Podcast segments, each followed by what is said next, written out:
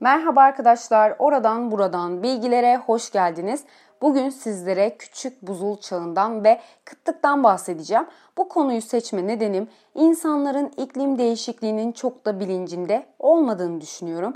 Aslında akademisyenler televizyonlara çıkıp anlatmaya çalışıyor ama akademisyenleri dinleme kültürümüz olmadığı için bir haberiz. Konumuza geri dönersek iklim bir yerin uzun süreli meteorolojik koşulların tamamını kapsıyor. İklim değişikliği insan faktörü mü sağlıyor derseniz yetersiz bir yaklaşım olduğunu düşünüyorum. Çünkü iklim değişikliğini tetikleyen bir sürü faktör var. Büyük faktörlü olanlar ise eksen sapması, eksen eğikliği ve eksen yalpalaması. Ama bunları başka podcastlerimde anlatmayı düşünüyorum. O yüzden küçük buzul çağını anlatmaya geçelim. Küçük buzul çağı aslında orta çağ iklimsel anomalisi yani sıcak döneminden sonra gelen soğuma dönemidir. O yüzden ilk sıcak dönemden bahsetmek istiyorum. Şimdi 950 ve 1250 yılları arasında Avrupa'da sıcaklık artıyor. Ne kadar derseniz araştırmalara göre günümüz değerlerinden 0,1-0,2 derece düşük veya yüksekmiş diyorlar. Ama Doktor Rafael Nükamen'e göre verilerden ve geçtiğimiz 2000 yıllık süreyi yeniden oluşturduğumuz iklimsel koşullarından yola çıkarak ısınma oranının hesaplanan doğal ısınma oranlarını açıkça geçtiğini gördük. Bu da günümüzdeki olağan dışı ısınmayı açıklamanın bir başka yolu demiş. Bir de o zamanlar orta çağ sıcak döneminde meydana gelen belirgin sıcaklık artışları dünyanın yüz ölçümünün %40'ında gerçekleşmiş ama şu an dünyanın %98'inden fazlasında hissedildiğini de belirtilmiş. Yani çok vahim bir durumdayız. Orta Çağ'da iklim krizine girenler ise İskandinavya, Kuzey Avrupa, Büyük Britanya'nın dahil olduğu geniş bir coğrafya. İklimin elverişli bir döneme girdiğini ilk anlayanlar Vikingler olmuş. Nasıl derseniz Kuzey Deniz buzullarının çözülmesiyle Grönland ve İzlanda'ya yelken açmışlar ve oraya yerleşmişler. Aslında Kuzey Avrupa'ya göç başlamış. Çünkü havanın ısınmasıyla buzla kaplı toprak örtüsü ortaya çıkmaya başlıyor. Çiçekler açıyor, hayvanların ot yemesi için uygun bir hale geliyor her yer. Tarım canlanıyor. E böyle her şey yolunda giderken dünyada neler olur? Tabii ki de nüfus patlaması yaşanır. Düşünün Danimarka'nın nüfusu 850 binden 1,5 milyona çıkıyor. Fransa'nın nüfusu 6,2 milyondan 20 milyona çıkıyor. Avrupa'nın genel nüfus tahminleri ise 1000 yılında 42 milyon iken 1300 yılında 73 milyonu geçtiği öngörülüyor. E tamam nüfus da arttı. Şimdi ne olacak? Tabii ki de insanların karnını doyurmak için tarım alanlarına ihtiyaç doğacak. Sonra yerleşim yeri sıkıntıları başlayacak ve bunun sonucunda ormanlarımız feda edilmeye başlayacak. Bunun kışı da var. Isınmak için artık gene ormanlar kullanılacak ve gerçekten de ormanları hızla tüketmişler. Bazı araştırmacılar şöyle demiş kara veba olmasaydı Avrupa büyük bir çölleşme yaşayacağını belirtmişler. Kara veba demişken bu podcast'imde kara vebadan bahsetmeyeceğim ama o dönem ormansızlaştırmaya bağlı yerlerde sıtma görülmüş ve bu hastalıkla uğraşmışlar. Şimdi Orta Çağ sıcak dönemi böyleydi. Şimdi geçelim Küçük Buzul devrine. Orta Çağ'ın sonlarına doğru iklim yani 1300'lerden itibaren soğumaya başlamış ve 1850'ye kadar sürmüş. Özellikle Kuzey Atlantik bölgesini soğutma dönemiymiş. Ama Kuzey Atlantik'ten gelip İngiliz adaları üzerinden geçen nemli hava dalgası Avrupa'nın kuzeybatısını tesir altına alıyor ve hiç görülmemiş bir şekilde sıcaklık düşüyor. Akabinde şiddetli fırtınalar, sağanak yağmurlar oluyor. William Jordan'ın kitabında yazdıklarına göre ise 3 yıl boyunca devam eden yüksek derece bir yağmur yağışından bahsediyor. Batı'da hiç durmadan 150 gün boyunca yağmur yağmış. William Jordan'ın bahsettiği olay büyük kıtlık olayı. Kıtlığı anlatmadan önce sırayla gidelim istiyorum. Şimdi asıl soru küçük buzul çağı ne zaman başladı? Bilinmiyor ama şöyle teoriler var. İlk tarih 1257'deki olay Samalas yanardağın patlaması. Öyle kötü bir patlama yaşanmış ki Endonezya'da Panama şehrinden tutun çoğu yer yerle bir olmuş. Peki ne alaka iklim değişikliği ile ilgili diyebilirsiniz. Ama şöyle en yalın haliyle anlatacaksam böyle büyük patlamada volkanik aerosellerin yarattığı pus güneş ışığın yeryüzüne ulaşmasını az miktarda engelleyecek ve sonuç olarak geçici soğuma olacaktır.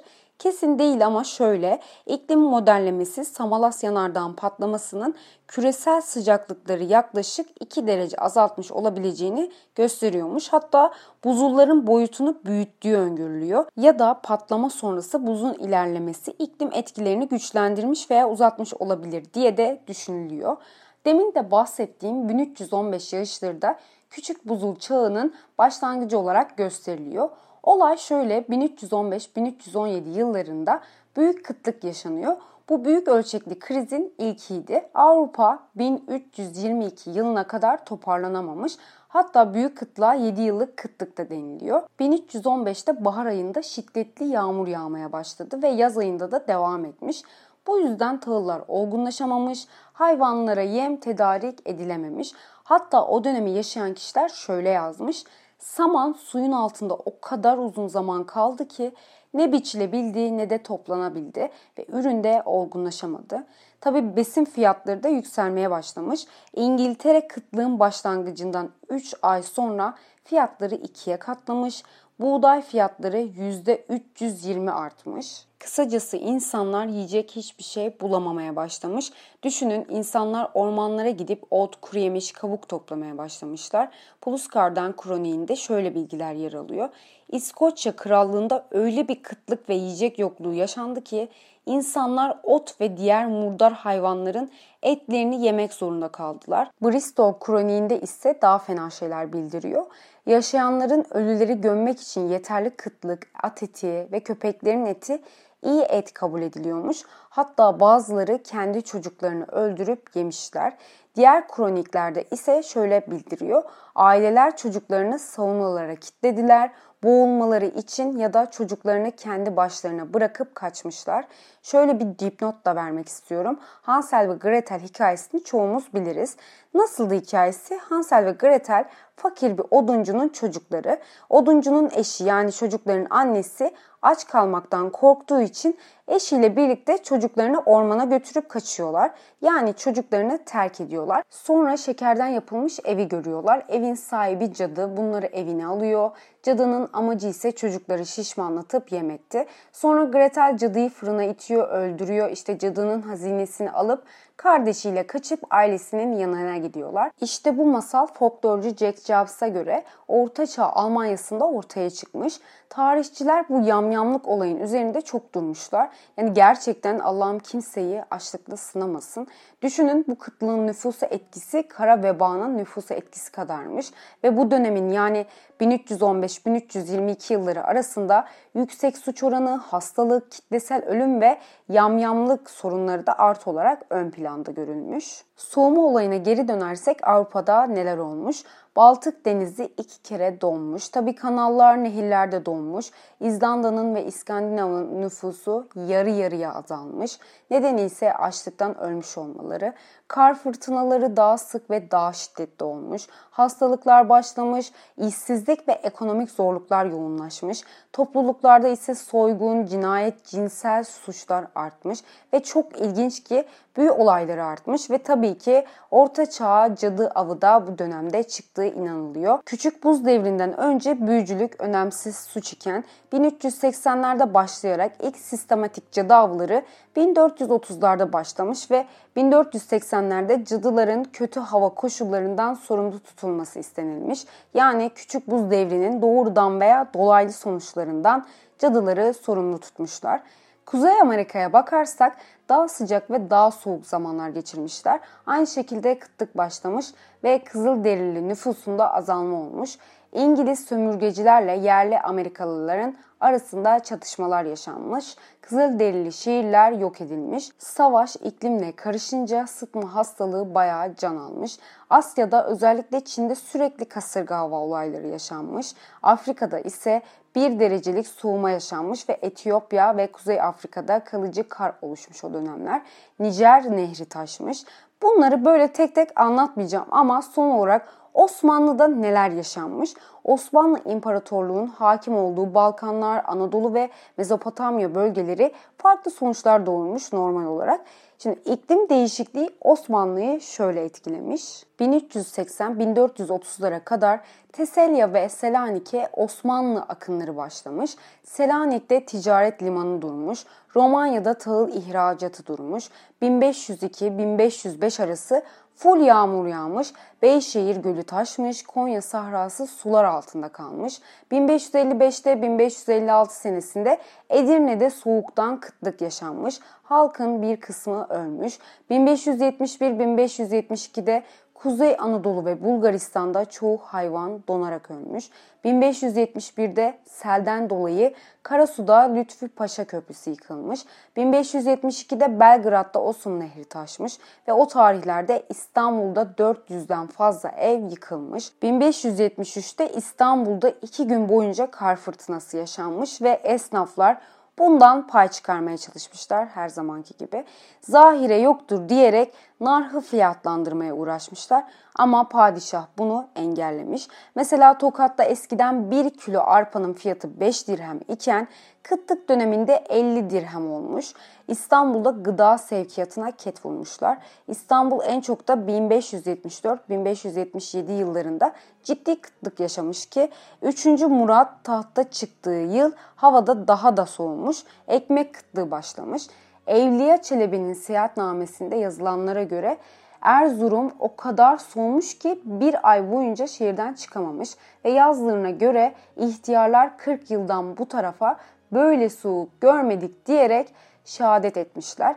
1578'de Karadeniz'in esir pazarı olan Kefe'de yerliler karınlarını doyurmak için kendilerini ve aile bireylerini satmak zorunda kalmışlar.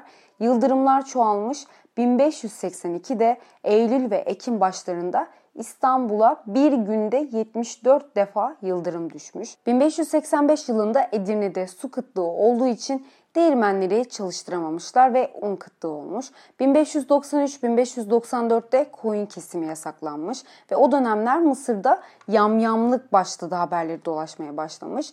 1595'te ise don yüzünden Padişah Fatih Camisi'nde cuma selamlığına çıkamamış ve soğuk yüzünden 3. Mehmet'in kılıç merasimi ertelenmiş. 1596 yılının yaz ayında İstanbul'da ciddi sular çekilmiş ve her yer kurumuş. Hatta 10 Mayıs 1596'da 2. Mehmet'in davetiyle halk yağmur doğasına çıkmış.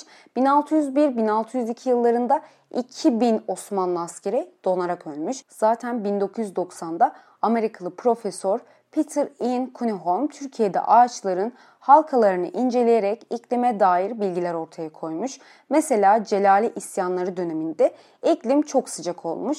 Küçük buzul çağın en büyük etkisi 16. yüzyılda hissedilmiş. Halil İnalcı'ya göre ise eski dönem seyyahların ve arşiv bilgilerine göre 1564-1612 yıllarında büyük kuraklık, kıtlık yaşanmış. Sonuç olarak küçük buzul çağın varlığı 1950 yıllarında keşfedildi ve soğuklar uzun seneler boyunca kesintisiz yaşanmamış. Zaman zaman çok soğuk olmuş, zaman zaman çok sıcak dönemler olmuş.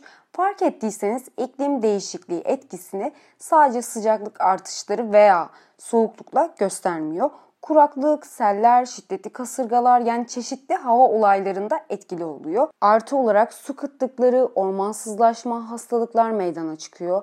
Toplumsal suçlar artıyor. Toplum günah keçisi arıyor. Cadavı gibi.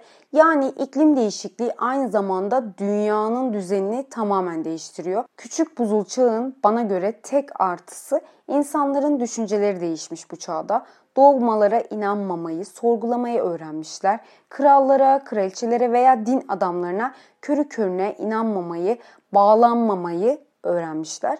Bence çok güzel bir şey. Evet arkadaşlar anlatacaklarım bu kadardı. Bir sonraki podcastimde görüşmek dileğiyle. Hoşçakalın kendinize çok iyi bakın.